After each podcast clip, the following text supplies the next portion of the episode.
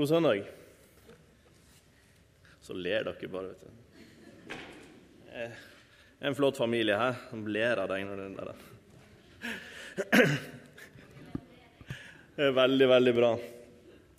Eh, det, ja Det er jo Det hørtes jo veldig dramatisk ut her i stad. Det er ikke så dramatisk er det absolutt ikke.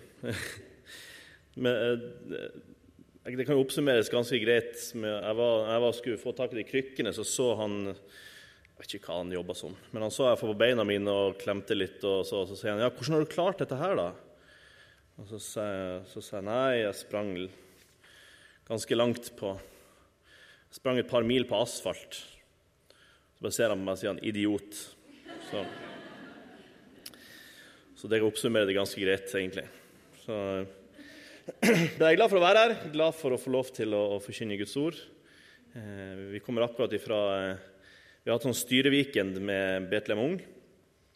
Eh, og Det er ute på Radøy, og det var fantastisk å få lov til å trekke seg litt tilbake og planlegge litt veien videre og være sammen. Så Jeg fikk jo en tekst når jeg skulle Eller vi satt og snakka på kontoret om, hva vi skulle, om ting vi skulle preike over din, den neste, nå i vår. og sånn, og da, da sa jeg at dette her er noe som, den, den, teksten som er i dag, er noe som jeg brenner veldig for å, eh, å formidle til folk. Så jeg har lyst til å lese, starte med å lese den. den eh, jeg har lyst til å lese egentlig litt mer ut av helheten der. da. Fra 1. Peter. Bli gjerne med hvis du har eh, Bibelen med deg. Sier som Øyvind Andersen det er den vakreste lyd i verden når vi hører Bibelen bli bladd i. Første Peter eh, kapittel 3, og fra vers 8 også til 17. Til slutt et ord til dere alle. Ha det samme sinn. Vis medfølelse, elsk hverandre som søsken, vis hjertelag og ydmykhet. Gjengjeld ikke ondt med ondt eller skjellsord med skjellsord. Dere skal tvert imot velsigne, for dere er selv kalt til å få velsignelse. Den som elsker livet og vil oppleve dager med lykke, han må holde sin tunge fra det onde og sine lepper fra svikefull tale. Han må vende seg fra det onde og gjøre det gode, søke fred og jage etter den. For Herrens øyne følger de rettferdige, og han vender øret til deres bønn. Men Herren vender seg mot dem som gjør det onde. Hvem kan gjøre dere noe ondt hvis dere brenner for det gode?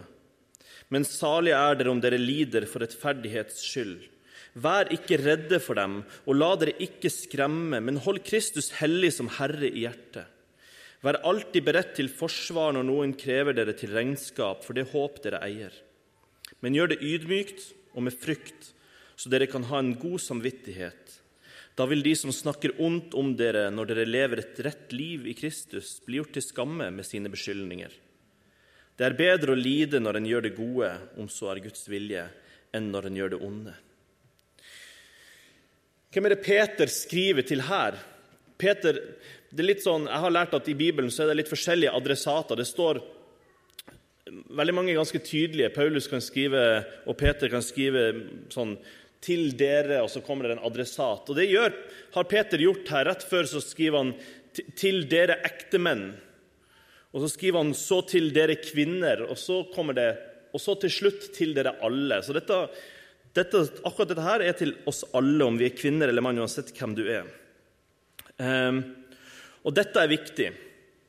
Uh, og jeg syns det er litt jeg synes det er litt vittig at, dette her, at, dette, at akkurat disse ordene her kommer fra Peter. Peter kan, var kanskje en av de mest brautende, oppfarende, sånn ugjennomtenkte typene som, som vi leser om eh, i Bibelen. Han er utrolig lite gjennomtenkt ofte. Um, så Når Peter her taler til oss, så taler Peter ut ifra erfaring. Han taler ut ifra erfaring når han sier de tingene her. Um, Peter han kunne fort endt opp eh, som ja, en sånn som, som detter ut med ting sant, som han kanskje ikke burde si. Han gjorde jo det flere ganger. Men så ser vi her at Peter det har skjedd noe med Peter. Um, I dag så snakker vi ofte om litt forskjellig eh, sånn, Vi har fått Internett, og man kan si mye om Internett. Det er mye bra med Internett, men det er jaggu meg mye dårlig med Internett også. Og, og, jeg blir litt sånn skremt når jeg ser en del, en del kommentarfelt. Du, altså man kan jo bli mørkeredd bare å gå inn på VG sine kommentarfelt. Eh, eller på Facebook, eller hvor det måtte være. Og det jeg blir aller mest skremt av, det er kristne folk og hvordan de uttrykker seg eh, i debatter. Og, eh, og, Peter kunne fort endt opp som en sånn type. En sånn som var litt oppfarende, en sånn som bare plumpsa ut med ting som ikke var så gjennomtenkt. Med harde ord. Med voldsom atferd mot de som var uenige med han. Eh, men nå har den samme Peter den samme Peter har fått se noe. Eh, han har fått se sitt liv i lys av oppstandelsen. Peter har fått lov til å se den levende oppstanden i Jesus Kristus. For meg i dag, Den sterkeste sangen vi sang, det var 'På Golgata sto det et kors'. Den er så enkel. Men korset er tomt, og graven er tom, og Jesus sto opp, og han lever. Punktum. Det er derfor vi er her. Det, det er det vi samles om. Jesus er ikke på korset, han er ikke i grava, men han lever i dag. Og det fikk konsekvenser for Peter sitt liv. Og det burde få konsekvenser for våre liv. Han har fått lov til å se at han har blitt elska så mye at han kan elske andre. Han har fått lov til å se at han har blitt tilgitt så mye at han kan tilgi andre.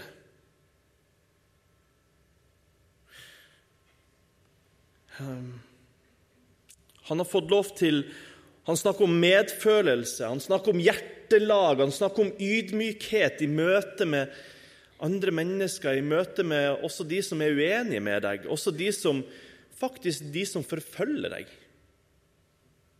Vise ydmykhet. Hva er det som har skjedd? i Peters sitt liv. Peter har fått del i Den hellige ånds gave. Den hellige ånd som peker på han, Den hellige ånd viser oss hvem vi er, og så viser han oss hvem Jesus er. Det gjør Den hellige ånd. Den peker på synd i vårt liv, og så peker den på Jesus. Og så ser Peter hvem han er, og ser at han ikke har noe å stille opp med. Og så har Den hellige ånd fått lov til å peke på Jesus, den oppstandende, han som lever. Og så har det skjedd noe i livet. Og jeg skulle ønske at vi som kristne kunne ha disse ordene til Peter i bakhodet når vi snakker til folk. Jeg skulle ønske at vi hadde disse ordene til Peter i bakhodet hver gang vi logger oss inn på Facebook. Hver gang vi det klør i fingrene etter å kommentere noe i VG. Å, det er mange ganger jeg har lyst. Og det er mange ganger jeg har lyst til å bruke ganske harde ord. Men jeg har lyst til at disse ordene fra Peter skal få lov til å prege meg, og også min nettbruk. Også mitt møte med andre, eller kanskje for deg som ikke er så mye på nettet, men kanskje heller kanskje skriver i avisen. Send inn leserinnlegg. Disse ordene er viktige. Og så Det er viktig å skille, fordi Peter han, han, snakker om at vi skal møte folk med ydmykhet, kjærlighet og være tålmodige og alle disse tingene her. som egentlig, Det han egentlig snakker om, er åndens frukter. Hva som preger livene våre etter at vi har blitt kjent med Jesus. Hva som kjennetegner en kristen sitt liv. Men så sier, Peter sier aldri at vi skal være feige. Og det er en vesentlig forskjell på det. Peter sier ikke at vi skal la oss underkue og bare legge oss ned og si ja, unnskyld at vi er til. Det er ikke det han snakker om. Tvert imot. Han sier at vi skal stå fast gjennom alt, og vi skal stå fast på det gode. Og at vi også skal stå fast gjennom lidelser og prøvelser. Når vi blir satt på prøve, så skal vi stå fast gjennom det på Guds ord. Og husk at dette er den samme Peter som for ikke lenge siden svikta og banna på at han ikke kjente Jesus.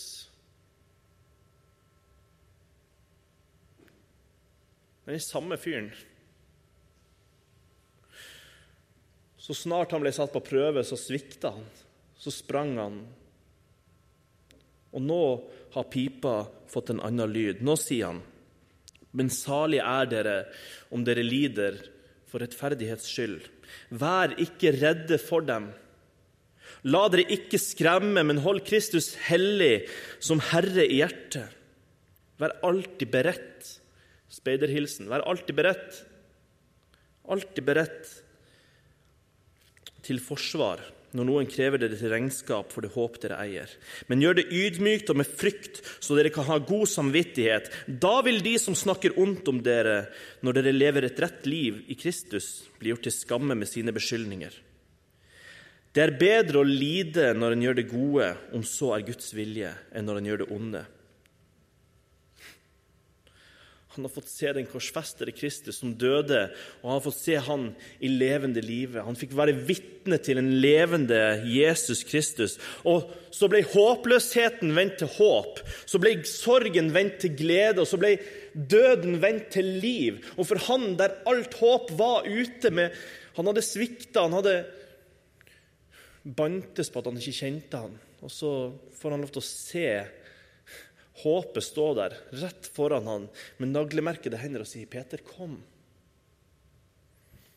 Du er tilgitt.'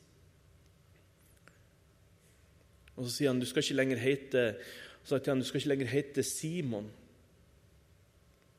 Simon svaiende, som det betyr. Men du skal hete Kefas, Peter, Klippen. Du skal ikke lenger fare hit og dit, men du skal stå fast.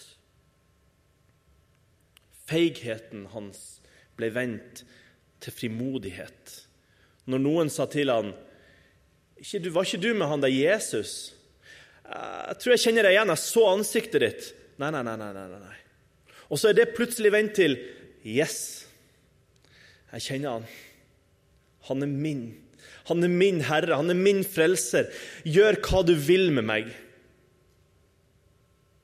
Gjør hva du vil med meg, men jeg har Jesus.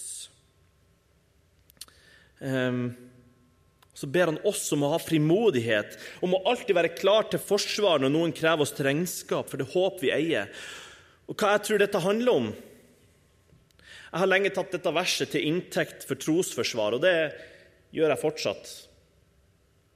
Jeg tror at det er meninga at vi skal lære, at vi skal søke dypere og forstå mer av Skriften, for på den måten å kunne stå fast og kunne gi svar når noen krever det av oss. Fordi det er mange som spør, det er mange som undrer, det er mange som lurer på ting. Og noen gjør det på en ikke så veldig fin måte. Og Da er det greit å kunne å vite hva sier Bibelen om dette her. Og så tror jeg altså at vi kan stole på hele Skriften. Jeg tror vi kan stole på absolutt alt som står der. Og jeg tror at Gud har fortalt oss sannheten om, om alt. Og så skulle jeg ønske at det var flere som var villige til å sette seg inn i Det gamle testamentet. Som var villig til å å lese og bruke mer tid i Det gamle testamentet. Alle profetiene, den røde tråden som går gjennom Bibelen. Jeg tror at mye av nøkkelen for å forstå disse koblingene eh, Mye av nøkkelen til å, til å møte mennesker ligger i de koblingene der. I den røde tråden. Når du ser profetiene, når du ser det som har skjedd i Det gamle testamentet, og ser oppfyllelsen av det i det nye, og når du ser oppfyllelsen av det i tida vi lever i nå i dag så er det mye av nøkkelen til å nå inn til en del mennesker. Og vise dem hele Skriften. For disse koblingene de er så drøye at det er ikke mulig at det er en tilfeldighet. Jesus skulle ønske at vi, var, at vi fikk lov til å være sånn som Emmaus-vandrerne eller som Nikodemus, der Jesus lærte dem, kjenne, lærte dem Jesus å kjenne etter Skriftene. Ikke bare åpenbarte seg for dem med tegn og under, men etter Skriftene. Sånn som Jesaja 52 og 53, som vi så utrolig flott Det var så fint at du tok det med, for det var, det passa så bra. Om Jesus som skulle lide og dø i vårt sted, som står beskrevet mange hundre år før Jesus blir født. Jeremia 31, 31, der det står Se, dager skal komme, sier Herren, da jeg slutter en ny pakt med Israels hus og Judas hus. Ikke som den pakten jeg sluttet med fedrene deres den dagen jeg tok dem i hånden og førte dem ut av Egypt. Den pakten brøt de, enda jeg var deres herre, sier Herren. Men dette er pakten jeg vil slutte med Israels hus i dager som kommer, sier Herren. Jeg legger min lov i deres sinn og skriver den i deres hjerte. Jeg skal være deres Gud, og de skal være mitt folk. Da skal ingen lenger undervise sin neste og sin bror og si, Kjenn Herren, for de skal alle kjenne meg, både små og store, sier Herren.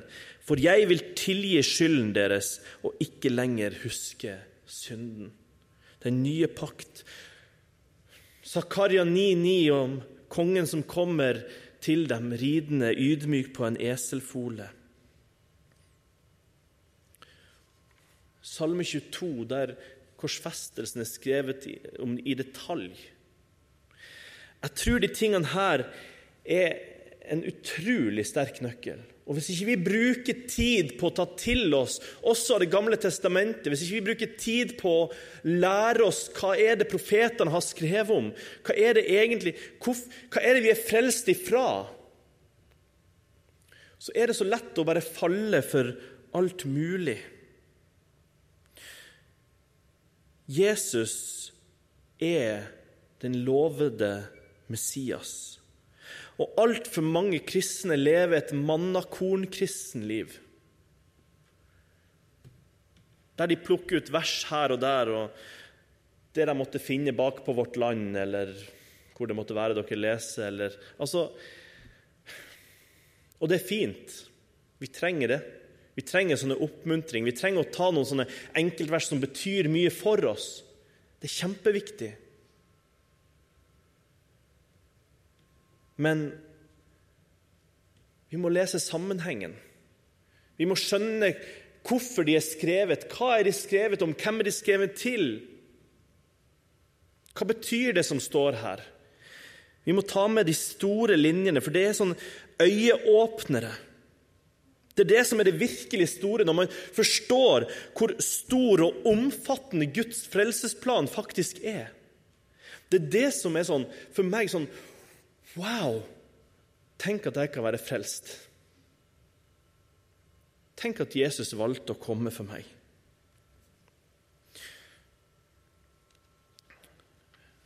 Jeg tror ikke alle er kalt jeg tror, ikke, jeg tror ikke det er for alle å sette seg inn i biologi og kjemi og alt mulig for å forsvare Guds ord på den måten. Jeg tror ikke det. Men jeg har noen venner som har gjort det, og som har vært til stor, stor, stor velsignelse for meg og vært med å styrke min tro på at det som står i Bibelen, er sant. Men jeg tror vi alle er kalt til å lese Guds ord. Jeg tror vi alle er kalt til å ta til oss av kilden, av det som Jesus har å fortelle oss. Ehm, og det vet Satan. Satan er klar over det, at Guds ord er kraftig. Satan sjøl han, han, han, vet at det som står der, er sant. Jeg snakka med en satanist en gang, og han sa det Det er ikke det at vi ikke tror på det som står i Bibelen. Vi har bare valgt å ikke følge det. Det kan være fryktelig, fryktelig tungt å lese i Bibelen. Ikke la Satan hindre deg. Ikke la Satan få lov til å få makt over hva du bruker tida di på. Ikke la han vinne den kampen. Det er så mange, er så mange ungdommer i dag som, som snakker med meg, og som, som, kommer til meg og lurer på dette med trosforsvar og lurer på hvordan kan vi forsvare trua vår. Kan vi stole på det som står i Bibelen? Og Derfor syns jeg det er så rikt å få lov til å være med på Y-a og, og, få lov til å være der. For de, de, de tar til seg av alt. De vil, vil suge til. De er som svamper som suger til seg. Kan vi stole på det? Kan du fortelle meg mer om dette? Fordi at de har oppdaga at Satan har ingen nye triks i boka si. Han bruker det samme som han brukte når han frista Eva. Så sier han, 'Har Gud virkelig sagt?' Han bruker det samme i dag. Ikke la han vinne den kampen. Det kan være fryktelig tungt å ta opp sin bibel og lese, men gjør det. Det betyr så mye. Det gir deg styrke til å stå fast når den kampen kommer. Ta på deg Guds fulle rustning, sånn at du står klar når fienden kommer med sine angrep. Kanskje det kommer en dag der du ikke lenger har Bibelen tilgjengelig. Hva gjør du da? Vet du hva som står der? Har du oversikt? Jeg nevnte Øyvind Andersen i stad. Han er Å, jeg liker Øyvind. Han, eh, han brukte å si 'Hvordan kan du være en kristen uten å lese din Bibel?' Og Det var en mann som visste hva han snakka om. Han ble jo blind og kunne ikke lese lenger i Bibelen. Og, men han kunne sitere han ordrett. Og så sa han sånn Jeg liker best 1930-oversettelsen, for det var den han hadde lært seg. Jeg liker den best. Og så, så sto han på noen møter og holdt Bibelen sin opp ned mens han, mens han siterte, som skulle se ut som han las. Forbilde. Han hadde tatt til seg. Så når den dagen kom at han ikke lenger kunne ta til seg av det, så kunne han leve på det som han hadde fått ta til seg. Han kunne få lov til å minne seg sjøl om det, for han kunne det. Eller i Nord-Korea, der kristne som har en bibel, blir fratatt den og kasta i fengsel. Så sitter de der. Hva gjør de da, når de ikke lenger kan ta til seg? Jo, de har lest og lært seg. Det er flere av de som har lært seg Bibelen nesten utenat sånn at de kan sitte og sitere for seg sjøl og for medfanger, og så blir det vekkelse i fengselet fordi at de har tatt til seg Guds ord, de har lært seg Guds ord. Vær klar når noen krever deg, krever svar av deg. Vær klar til forsvar på en ydmyk måte. For det jeg tror Peter også mener når han skriver dette her, så skriver han litt om om vår livsførsel. Fordi at det er en ganske stor villfarelse som mange får høre som når mange spør er jeg frelst. Hvordan kan jeg vite at jeg er frelst? Og så sier du ja. Var det en gang i ditt liv at du ba Jesus om å komme inn i hjertet ditt? Og så sier du ja. Det var en gang. Og så sier du ja, men da er det greit. Fordi at det er ikke sånn at du kan en gang si det og så, bare, og så leve som du vil og så bare regne med at nei, men det ordner seg til slutt. Fordi at det står noe om at vi skal kjennes på fruktene våre. Det er fruktene våre. Hvis, hvis du kommer til meg og spør hvordan, hvordan kan jeg vite om jeg lever nært Jesus, så sier jeg hva, hva frukter bærer du i ditt liv? Bærer vi frukt? Um,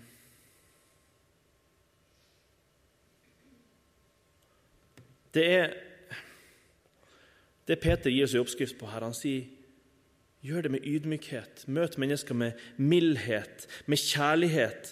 Og dersom noen krever dere til regnskap, så la oss være beredt til å forsvare det håpet vi eier. Hva håper vi eier? Vi eier et håp om himmelen. Vi eier et håp om at det var en som var villig til å dø i vårt sted, og at han en dag skal lede oss hjem og at han skal bære oss gjennom, det er det håpet vi eier. For frelsen har Jesus gjort i stand. Han har gjort den klar for oss. Han sa det er fullbrakt, og den kan vi få lov til å gå inn i. Helt gratis. Og Det har vært en fantastisk påske der jeg har fått lov til å se enda dypere inn i det. At den frelsen kan du få lov til å gå inn i. Og du kan være trygg på at Jesus han holder fast. Men så er vi kalt til å legge vind på å Det står noe om å stå ulastelig. Klarer vi det? Å stå ulastelig i all vår gjerning? Nei, selvfølgelig klarer vi ikke det. Men vi skal strekke oss etter det. Vi skal strekke oss etter det, og ved Jesu hjelp så kan vi få lov til å ta nye steg sammen med Han. Og så står vi rene og rettferdige i kraft av Jesu blod. Ikke i kraft av oss sjøl, men av Jesu blod. Men mennesker som er rundt oss, de menneskene du møter på jobben din Det kan godt hende at du er den eneste representanten for Jesus de noen gang kommer til å treffe på. Og da er hvordan du fører deg, hvordan din livsførsel er, vil ha noe å si. Jeg har sitert et kinesisk ordtak her før, og det skal jeg gjøre igjen. Jeg hører ikke hva du sier fordi livet ditt roper for høyt. Og det er lett å Jeg kan si masse ting, men hvis jeg ikke gjør etter det, så spiller det ikke noen rolle. Så vi må Vi må leve livene våre sånn at folk tenker Oi, han er annerledes. Hun er annerledes. Det har skjedd noe i livet ved Den hellige ånds hjelp. Um, det handler ikke om frelsen din, men det handler om om trua di er levende eller død. Jakob skriver om det. Om trua di er levende eller død. Og Det er det vakreste jeg vet om når jeg ser levende tro. Når jeg ser folk som er villige til å legge ned alt og følge Jesus. Altså, Jesus spiller ingen rolle hvor du går, jeg vil gå med deg. Jeg vil følge etter deg, Jesus. Det er vi kalt til. Og Når vi lever nært Jesus, så vil Han gi oss styrke i de situasjonene i, i hverdagen vår der vi møter mennesker. Han vil gi oss visdom. Ta til deg av Guds ord. Lev nært Jesus. Det er min oppfordring til deg i dag. Jeg har ikke sagt noe om det her i plenum enda. Jeg har sagt det litt på, på Betlehem Ung, og sånn, men jeg har lyst til å bare fortelle helt kort til slutt. Jeg fikk lov til å være på påskeleir med Y-a i påsken. og det var, det var helt fantastisk, fordi, fordi jeg fikk se mer av Guds ord. Jeg fikk lov til å se at Uansett hvor mye vi river og sliter i våre lenker, så er det Jesus som må settes i frihet. På samme måte som Barabas. På den leiren fikk jeg se noen eksempler på levende tro. Jeg fikk oppleve en som kom til meg, og så sier han En av de lenkene som binder meg i mitt liv, er pengene mine. En ungdom på 16 år. Bankkontoen min binder meg fra å leve nært Jesus. Og så sier han, 'Kan du be for meg?' Og så ber vi.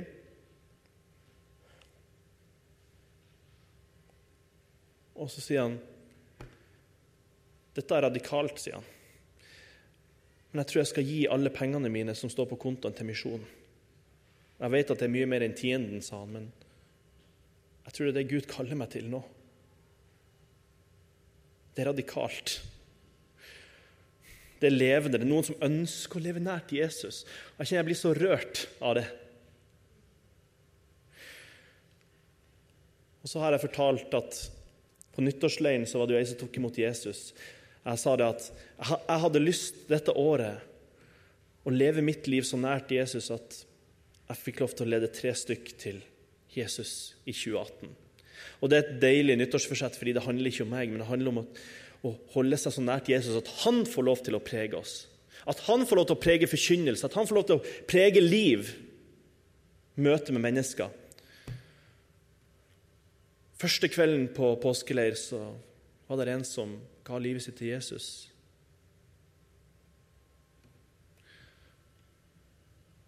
Så gikk han opp på påskeaften og vitna om det som hadde skjedd, og sa jeg anbefaler alle andre å ta imot Jesus hvis ikke du har gjort det. Da kommer de bort til meg og drar meg i skjorta og sier jeg må snakke med deg. Jeg må ta imot Jesus.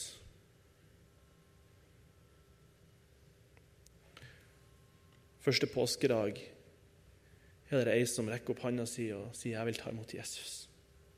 Tre stykk frelst på påskeleir. Den, det er nesten verdt lite halleluja, altså. For det Hæ? Gud er så stor. Det skjer ting iblant oss. Disse ungdommene pusher hverandre. De, lever, de har lyst til å leve nært Jesus, og vitner de for hverandre og snakker til hverandre om tru.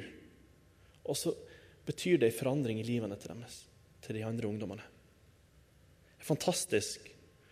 Og så har Gud på en måte vist meg at Arne, du kan ikke sette meg i bås. Tre, tre stykk var det jeg, jeg hadde en drøm om. Og så er det fire av tre. Og det var før april. Og så handler det om Gud. Det handler ikke om mine gaver til å tale eller synge eller hva det måtte være. For jeg tror du også er kalt til det.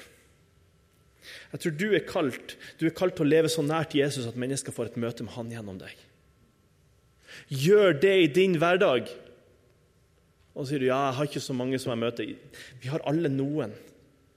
Garantert. Jeg tror du har et navn som du tenker på akkurat nå. Han skulle gjerne blitt frelst. Hun skulle gjerne blitt frelst. Be for dem. Lev nært Jesus. Les ordet. Ta til deg av ordet. Lær deg ordet. Sånn at du kan stå klar når de krever et regnskap, og når Satan kommer med sine angrep. Gud velsigne deg i din tjeneste. Må Gud rikt velsigne deg og, og bevare deg. og La sitt ansikt lyse over deg og være deg nådig. Jeg ber om at han skal løfte sitt åsyn på deg, og at han skal gi deg fred i din daglige tjeneste for å gå med evangeliet der du er. Amen.